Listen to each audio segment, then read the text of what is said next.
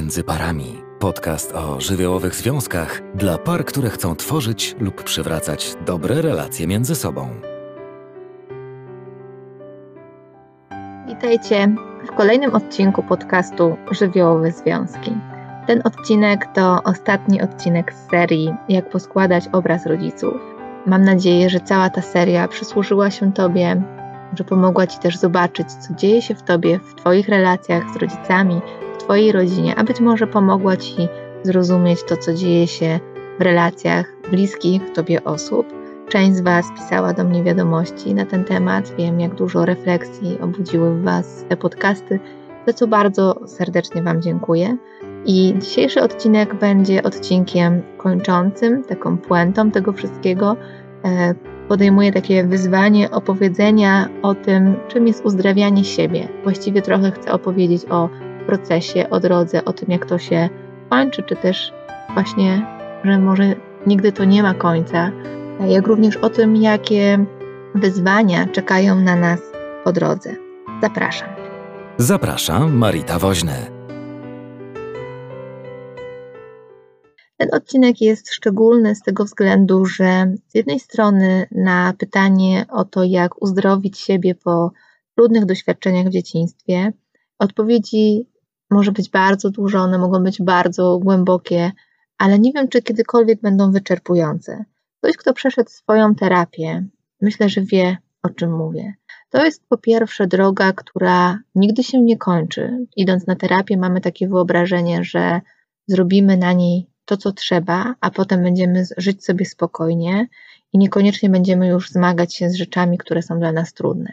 Po części to jest prawda, ale po części, ponieważ pewne schematy z naszej przeszłości dalej w nas będą, dalej będą się w nas uruchamiać, ale będziemy mieć narzędzia, strategie na to, jak sobie z tym radzić, ale też będą uruchamiać się zdecydowanie mniej, będzie mniej tych zapalników. Poza tym rozumienie siebie, swoich emocji, potrzeb, nauka mówienia o sobie, wyrażania tego sprawia, że kontakt z drugim człowiekiem jest zupełnie inny. E, ktoś, kto jest po swojej terapii, prawdopodobnie zgodzi się ze mną, że terapia jest najlepszą inwestycją w siebie, najpiękniejszym darem i prezentem, jaki możemy sobie podarować. Myślę, że coraz więcej osób e, czerpie z tego bogactwa, ale też wielu z nas boi się tej drogi, bo wcale to nie jest łatwa i nie zawsze jest to przyjemna droga.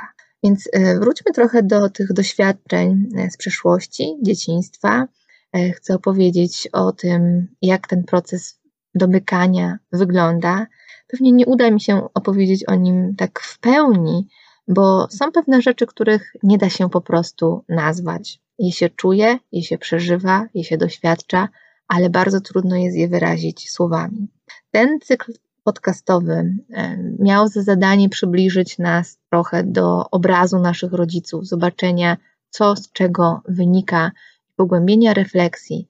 Dlatego, że w trakcie e, spotkań terapeutycznych, e, zwłaszcza jeśli chodzi o terapię systemową, zastanawiamy się nad kontekstem rodzinnym, na to, co na nas wpływało, ale też co sprawiło tak międzypokoleniowo w naszej rodzinie, że funkcjonujemy tak, a nie inaczej. I tutaj, jeśli ktoś chce więcej na ten temat, to odsyłam do właśnie cyklu Jak się poskładać po trudnym dzieciństwie. Tam jest cały cykl na temat genogramu, czyli mm, tworzenia takiego drzewa rodzinnego, które przy pomocy tego spotkania będziecie mogli też e, sami sobie e, częściowo przynajmniej pooglądać i zobaczyć, jakie te wpływy są. Głównie skupialiśmy się na relacji dziecka z ojcem, oczywiście nie w oderwaniu od matki, bo ona zawsze jest obok, gdzieś e, albo w tle, albo jest bardzo wyraźną postacią. I ma też ogromne znaczenie cały ten trójkąt. Tak jak już podkreślałam to niejednokrotnie w trakcie e, tych podcastów. I chciałabym powiedzieć o tym, mm, że istnieje e, wiele takich czynników też w nas, które mają chciałabym powiedzieć o tym, że wychodzenie z takiej nieadekwatnej relacji z ojcem, czy też e, z matką, nie jest łatwe, e, jest obarczone e, trudami. Nie każdemu się udaje, nie każdy tego chce, nie każdy ma tego świadomość, ale też nie każdy ma w sobie taką gotowość do podejmowania działań, które zmierzają do tego uzdrowienia. Czasem mamy wtórne korzyści z różnych postaw, które wynikają z naszych schematów z przeszłości i bardzo trudno jest nam się ich pozbyć. Czasem mamy obawy i lęki o to, że coś, co budowaliśmy na tych schematach, mielibyśmy teraz utracić, mielibyśmy wywrócić swoje życie do góry nogami. Więc y, na początku zaznaczyłabym, że to nie jest wszystko zero-jedynkowe. Czyli jeśli jesteś osobą niezależną, nie masz teraz przejść w drugi kraniec tego i stać się całkowicie zależną od innych, tylko szukać gdzieś tego środka. Jeśli jesteś osobą bardzo zależną od innych, trudno ci samodzielnie funkcjonować, to prawdopodobnie e, trudno będzie ci być tylko w tym krańcu niezależności. I też masz to zadanie zbliżenia się do środka. Pewne cechy w nas pozostaną już na zawsze, bo kształtowaliśmy to w sobie przez wiele, wiele długich lat. Ćwiczyliśmy się w danym zachowaniu, w postawie, w przekazach i z części z nich jesteśmy w stanie zrezygnować, pozbyć się, zostawić, ale ta pamięć o niektórych z nich pozostanie. Natomiast e, mimo tego, że nosimy w sobie wpływy naszych rodziców, dziadków, naszych pokoleń, mm, to nie oznacza, że pozostajemy wyłącznie wytworem tego, e, co na nas wpłynęło. Nie jest to naszym przeznaczeniem. Mamy wybór i możemy decydować inaczej. I ta decyzja świadoma przychodzi wtedy, kiedy zaczynamy mieć kontakt z tym, co się wydarzyło. Sporo osób mówiło o tym, że trudno słuchać podcastów, że trzeba robić przerwę, że to jest temat, który jest dosyć trudny i uruchamia bardzo dużo różnych e, emocji. I właśnie o to chodzi, żeby dbać o siebie, nie robić różnych rzeczy na siłę po to, żeby tylko przejść przez jakiś cykl podcastowy, ale może czasem warto wrócić do niego po czasie. Może to jest początek do tego, żeby zdecydować się na terapię albo e, uzupełnić jakiś kawałek wiedzy na dany temat po to, żeby móc ruszyć właśnie z tego miejsca. I chciałabym powiedzieć e, trochę słowami Junga, który mówił o tym, że jakby według niego występuje taki naturalny proces zdrowienia, co w jakimś sensie jest inspirujące, e, zaciekawia i pokazuje też tą nadzieję, ponieważ on twierdzi, że zmierzając jakby w stronę zdrowienia, e, do równowagi, posiadamy też naturalne wzorce, które są w nas, wewnątrz, trochę tak jak te pierwiastki męskości i kobiecości, czyli takie wzorce postępowania, e, które on nazywa archetypami, e, które on uważa jako takie wewnętrzne matryce, które w nas działają nawet wtedy, kiedy te zewnętrzne wzorce zawodzą, albo są nieobecne, albo są na przykład nieodpowiednie. I na przykładzie kobiety e, i jej relacji z ojcem, który być może był nieobecny, niedostępny, można powiedzieć według Junga, że w jej wnętrzu jest cały potencjał archetypu tego ojca i może go osiągnąć, jeżeli e, wejdzie w kontakt z nim. Być może jak będę rozwijać tą myśl w podcaście, to stanie się to jaśniejsze. I według Junga te aspekty takiego wewnętrznego, e, archetypowego ojca mogą sprawiać, że następuje taka kompensacja tych negatywnych wpływów przeszłości. Natomiast też w procesie terapeutycznym, e, oprócz zgłębiania, doświadczania, tego, co wydarzyło się w przeszłości, jak to na nas wpłynęło, łapania takiego kontaktu z emocjami, z potrzebami, nazywania itd. Tak Można też powiedzieć, że występują pewne takie momenty w terapii. Poza tym pierwszym momentem, kiedy ktoś odkrywa, opowiada, doświadcza, to y, musi też dotknąć takich y, kawałków, które są związane tylko ze złością, albo tylko ze smutkiem, albo tylko z bezradnością. Nie wiem, czy słowo tylko jest odpowiednie, ale chodzi mi mm, o taki rodzaj doświadczenia, w którym te emocje są najwyraźniejsze, czyli wokół nich są też inne emocje, ale to jest pewien stan, który trwa. Czyli mogę być y, w bezradności, mogę doświadczać potężnego smutku, albo mogę doświadczać potężnej złości, y, i ona ma swój koniec, ma swój gdzieś początek, e, podobnie jak ze smutkiem. I każdy z nas ma e, pewien lęk, który jest związany z którąś z tych emocji, to co zauważam w gabinecie. Część z nas boi się złości, wyrażania jej, bo do tej pory była w życiu podporządkowana innym osobom i nie nauczyła się wyrażać tej złości. Część osób, która ma na przykład bardzo mocno rozwinięte kawałki niezależności, obawia się smutku, a obok tego smutku blisko jest do bezradności, jako do wpadnięcia w taką przestrzeń, z której nie ma wyjścia, czyli to myślenie takie zero-jedynkowe jest bardzo też charakterystyczne. E, jest to trochę związane z tym, że w przeszłości, w naszym doświadczeniu, nie mamy tego po prostu, czyli nie było takiego dojrzałego e, dorosłego, który mógłby powiedzieć, e, że bycie bezradnym jest w porządku, że możemy nie wiedzieć, że możemy pewnych rzeczy nie rozumieć, że nie musimy tego wiedzieć, że możemy się smucić, że to jest ok, że wtedy ten ktoś przy nas jest, nas nie opuszcza, nie zostawia, nie krytykuje, tylko nam towarzyszy. I terapia jest takim miejscem, w którym można tego doświadczyć, choć to też trudny proces, e, bo nawet jak jest bezpiecznie, wcale nie jest łatwo odkrywać się z tymi emocjami.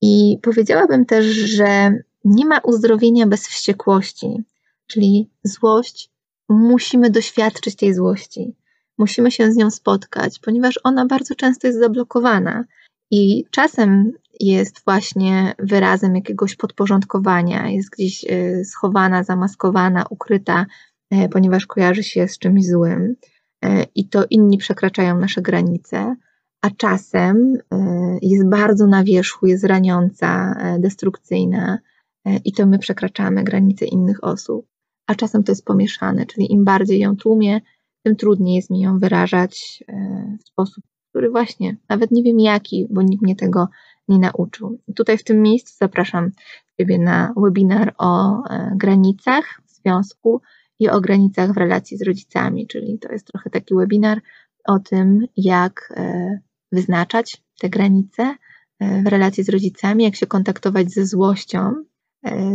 i robić z tego użytek e, w taki sposób, żeby zadbać o siebie, ale nie niszczyć więzi i relacji, którą mamy. Czasem e, dzieje się jednak tak, że e, za tą złością, którą mam, część osób nie ma problemów, żeby tej złości doświadczać, kryje się coś innego, czyli obawiamy się tego, co się pod tym kryje. Najczęściej to jest smutek i najczęściej to jest bezradność, ale nie zawsze tak musi być. Czyli kiedy tą złość mam na wierzchu już i już umiem się z nią kontaktować, czasem nie potrafię jej puścić czasem to ona mnie trzyma. Ponieważ złość jest taką emocją, która daje nam energię. W związku z czym, jeśli boję się swojego smutku i nie daję sobie przyzwolenia na to, żeby być słabą, bezradną, wrażliwą, kruchą, albo kruchym, bezradnym, wrażliwym, to e, nieświadomie będę też robić takie rzeczy, żeby oddalić się od tego stanu, którego nie chcę, czyli złość będzie mi w tym pomagać, ponieważ smutek ubezradnia, a złość dodaje siły i energię, czyli czasem jest nam to bardzo potrzebne. A więc osoby, które na przykład przez wiele lat były bardzo podporządkowane, potrzebują tej iskry złości po to, żeby się zbuntować, żeby wreszcie powiedzieć nie, żeby poczuć swoją energię, poczuć swoją moc, wyjść czasem z roli ofiary, a czasem potrzebujemy właśnie zatrzymać swoją złość, żeby doświadczyć też innych emocji. Jak widzicie, słyszycie, ten proces nie jest jeden i stały dla każdej osoby. Jest różnorodny. Każda terapia jest inna, każda relacja terapeutyczna jest inna, wyjątkowa, niezwykła. I wasza, twoja też pewnie taka jest albo będzie, jeśli się na nią kiedyś zdecydujesz, jeśli uznasz, że to jest ci potrzebne. Czasem obok tej złości bardzo blisko leży żal, żal o to, że e, coś się nie wydarzyło.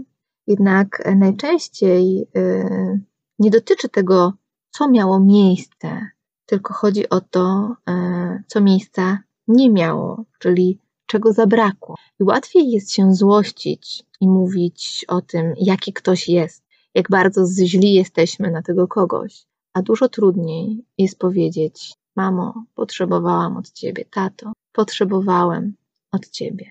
E, różnica jest teoretycznie subtelna, jeśli chodzi o język, ale część osób nie potrafi, nie jest w stanie wypowiedzieć takiego zdania. To jest bardzo bolesne, wtedy bardzo mocno uruchamia się złość, no bo właśnie ona jest łatwiejsza do zniesienia, a mówienie o potrzebach wiąże się e, z zależnością, której przeraźliwie się czasami boimy. Dotykanie też swoich potrzeb to jest y, dotykanie właśnie smutku, czyli kontaktowanie się z tym, że pewne rzeczy nie miały miejsca. Bo jeśli czegoś potrzebowałam, to znaczy, że mi zabrakło. I to nas prowadzi w takie mm, miejsce y, związane ze smutkiem, z opłakiwaniem tego, co się nie wydarzyło, co się nie zadziało, albo właśnie miało miejsce, a potrzebowaliśmy wtedy czegoś innego e, i tego nam zabrakło. Łatwiej jest się złościć niż na przykład powiedzieć straciłam albo straciłem, bo to już jest bliżej rozpaczy, czyli jeszcze głębszego smutku, e, którego bardzo często boimy się przeżywać. Część osób mówi też o tym, że nie potrafi płakać. Część osób bardzo długo rzeczywiście nie potrafi płakać, ale też to, co daje oczyszczenie, to są właśnie łzy. I chciałabym Wam e, przeczytać fragment y, dotyczący łez, który znalazłam w książce Córki i ojcowie w analizie jungowskiej, której autorką jest Linda Leonard, do której Was serdecznie zachęcam, zapraszam. Bardzo wartościowa pozycja. I ona pisze o córkach, ale myślę, że to e, dotyczy e, w ogóle ludzi, niezależnie od płci. E, posłuchajcie, co ona pisze o łzach.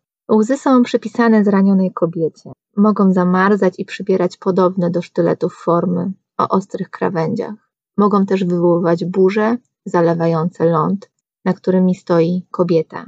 Lecz łzy potrafią także padać, niczym urodzajny deszcz który pozwala wzrastać i odradzać się na wiosnę. Kiedy łzy zamarzają, stając się soplami podobnymi do sztyletów, to zamarzają również kobietę oraz jej związki.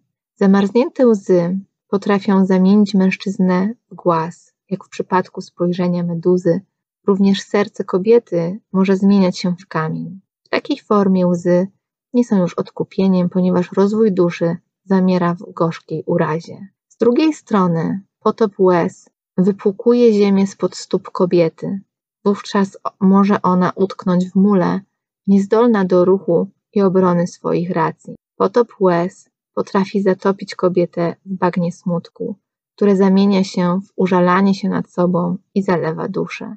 Choć zarówno zamarznięte łzy, jak i ich potop nie dają ukojenia, to właśnie łzy otwierają duszę.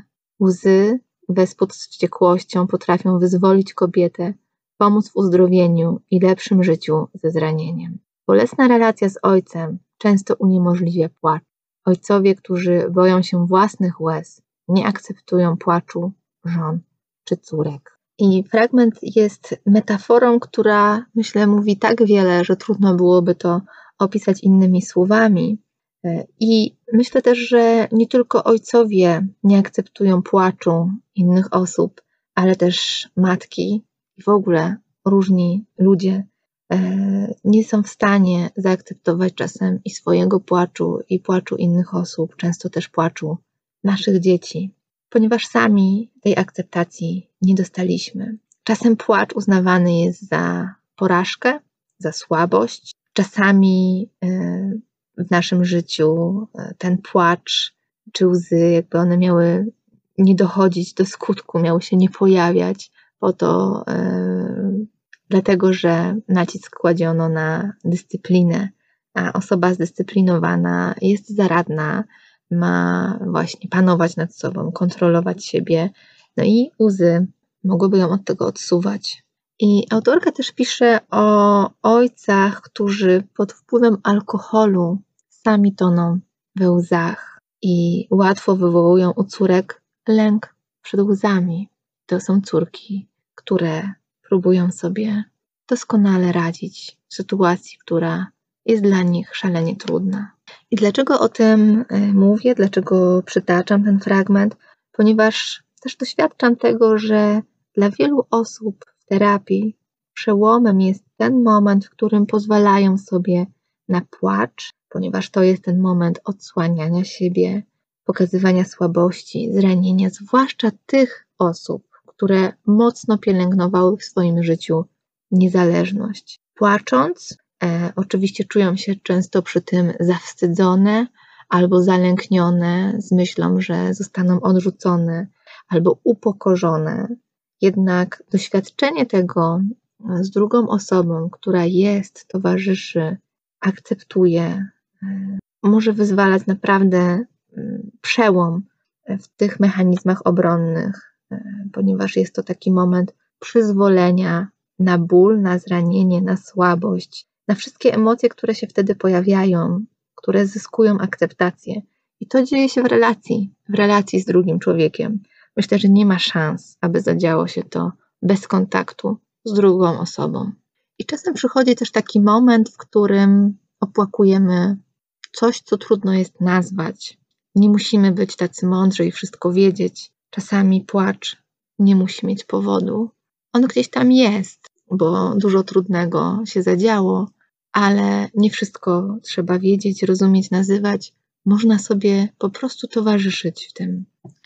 I ten rodzaj opłakania też przynosi taki kawałek, w którym możemy właśnie akceptować swoje różne, wcześniej nieakceptowane części, na przykład słabość. I tu chciałabym powiedzieć o takim aspekcie doświadczania tych różnych części na, w nas, które są. Mm, każdy z nas ma w sobie coś, co widzi jako konstruktywne, albo też widzi to jako ograniczające. I każda z tych postaw, którą opłakujemy, która wynika jakoś ze schematu, wnosi też coś nowego dla nas. Czyli można powiedzieć, że osoba, która uważa siebie za bardzo nadwrażliwą, ma mnóstwo też empatii, może to wykorzystywać w relacjach z innymi osobami do, do budowania dobrych relacji. Ktoś, kto jest silny, niezależny, jest, ma w tym kawałek właśnie y, tej niezależności i siły, którą może ukierunkować w takie aspekty swojego życia, które powodują rozwój, ale jednocześnie nie musi uciekać od relacji. Ktoś, kto jest zdyscyplinowany, może realizować pewne zadania, które ktoś inny nie miałby szansy na przykład dokończyć. Ktoś, kto całe życie był podporządkowany, e, ma też tą zdolność bycia z innymi, widzenia ich potrzeb, szanowania e, jakichś praw, porządku, ale czym innym jest, kiedy to się dzieje z wnętrza, a nie jest narzucone. Czym innym jest, kiedy to nie determinuje całego naszego życia, tylko też pozwalamy sobie na spontaniczność naszych uczuć, na niezgodę, na stawianie granic, na wyrażenie złości. Więc nie chodzi o to, żeby pozbyć się wszystkich cech, które w naszym poczuciu wynikają z destrukcyjnych schematów, ponieważ w tym możemy też odnaleźć rodzaj naszej siły. Można więc powiedzieć, że sposób, który żyjesz, który istniejesz, ma też coś do zaoferowania Tobie albo innym osobom, ale być może jeszcze nie udało Ci się tego odkryć. Można to trochę przyrównać do kryształu, do diamentu, który w zależności od tego, od jakiej strony spojrzymy, błyszczy się na różne sposoby. Więc Ty jesteś takim diamentem, kryształem i być może patrzysz na razie tylko z jednej strony. Może innej jeszcze nie znasz jesteś w drodze, jesteś w procesie. Mówię więc o tym, że nie musisz rezygnować z siebie. Jedyne, co jest do zrobienia, to zintegrowanie tych różnych części, które w sobie masz. Tych, które dzisiaj widzisz jako negatywne, i tych, których jeszcze nie znasz. I można też właśnie powiedzieć, że dla zranionych córek, które mm, mają albo właściwie nie mają tego kontaktu z tymi aspektami siebie, których jeszcze być może nie znają, dla synów, którzy też są w procesie poszukiwania siebie, swojej, swoich części, które dopiero trzeba zintegrować. Dla tych osób trudność jest ta sama, czyli wyleczyć rany po trudnym dzieciństwie, poskładać się po trudnej relacji z ojcem, poskładać się po trudnej relacji z mamą, ale też teraz powiem coś, co być może Tobie się nie spodoba, z czym się nie zgodzisz, ale to się też dzieje na terapii, czyli szukać i zauważać ukrytych wartości i zasobów w tych rodzicach, których mieliśmy. Czasem jest ich niewiele, ale są. I możemy dla siebie zrobić tyle, żeby nie odbierać ich sobie całkiem. I może budzić się w nas na to bunt, ale może ten bunt właśnie maskuje smutek. No bo spotkanie się z tym, że było tego tak mało, to jest dotykanie własnej rozpaczy. Na tym polega integracja, czyli zobaczenie tego, jak jest. Nie chodzi o to, że masz wybaczyć, bo nie musisz, możesz zrobić jak zechcesz. Chodzi o uznanie, uznanie i akceptację tego, że tak było i to się nie zmieni, że tak było i wiele zabrakło, że tak było, ale może mam coś, co dostałam, czy dostałem. I nie jest też tak, że kiedy zaczynamy tego doświadczać i dotykać, to cierpienie się rozpływa. Być może ono zawsze gdzieś będzie w jakiejś szufladce, którą jak otworzymy, to przyniesie wiele smutku, ale to cierpienie i smutek nie zalewają nas, nie determinują naszego życia. Czyli ten ból, ta rana jest, ale jest opatrzona, jest zaopiekowana. Być może też będzie taki moment, w którym odczuwanie smutku i złości będzie wyraźniejsze niż wcześniej. No bo jeśli przez tyle lat trzymaliśmy to gdzieś we wnętrzu, to to musi się uwolnić. Jednak y, proces leczenia tych ran przeszłości, składania się po trudnym dzieciństwie, nie kończy się dla kobiet na ojcu, a więc ostatecznym punktem nie jest męskość, ale odnalezienie kobiecości, czyli spotkanie się ponownie z matką, zwłaszcza te, które były bardzo blisko ojca, czyli mówię o tych kawałkach edypalnych y, właśnie tutaj. Ale ostatecznie to i tak jest zawsze ten moment, w którym każdy z nas, bez względu na płeć, może zadecydować o sobie w nowej jakości tego życia, czyli określić się, zdefiniować, czasem pokolorować siebie na nowo, zobaczyć, jakimi barwami jesteśmy, że jesteśmy wyraziści albo też nie, to jest też ok, ale że jesteśmy jacyś, tacy, jak czujemy, że to jest w zgodzie z nami.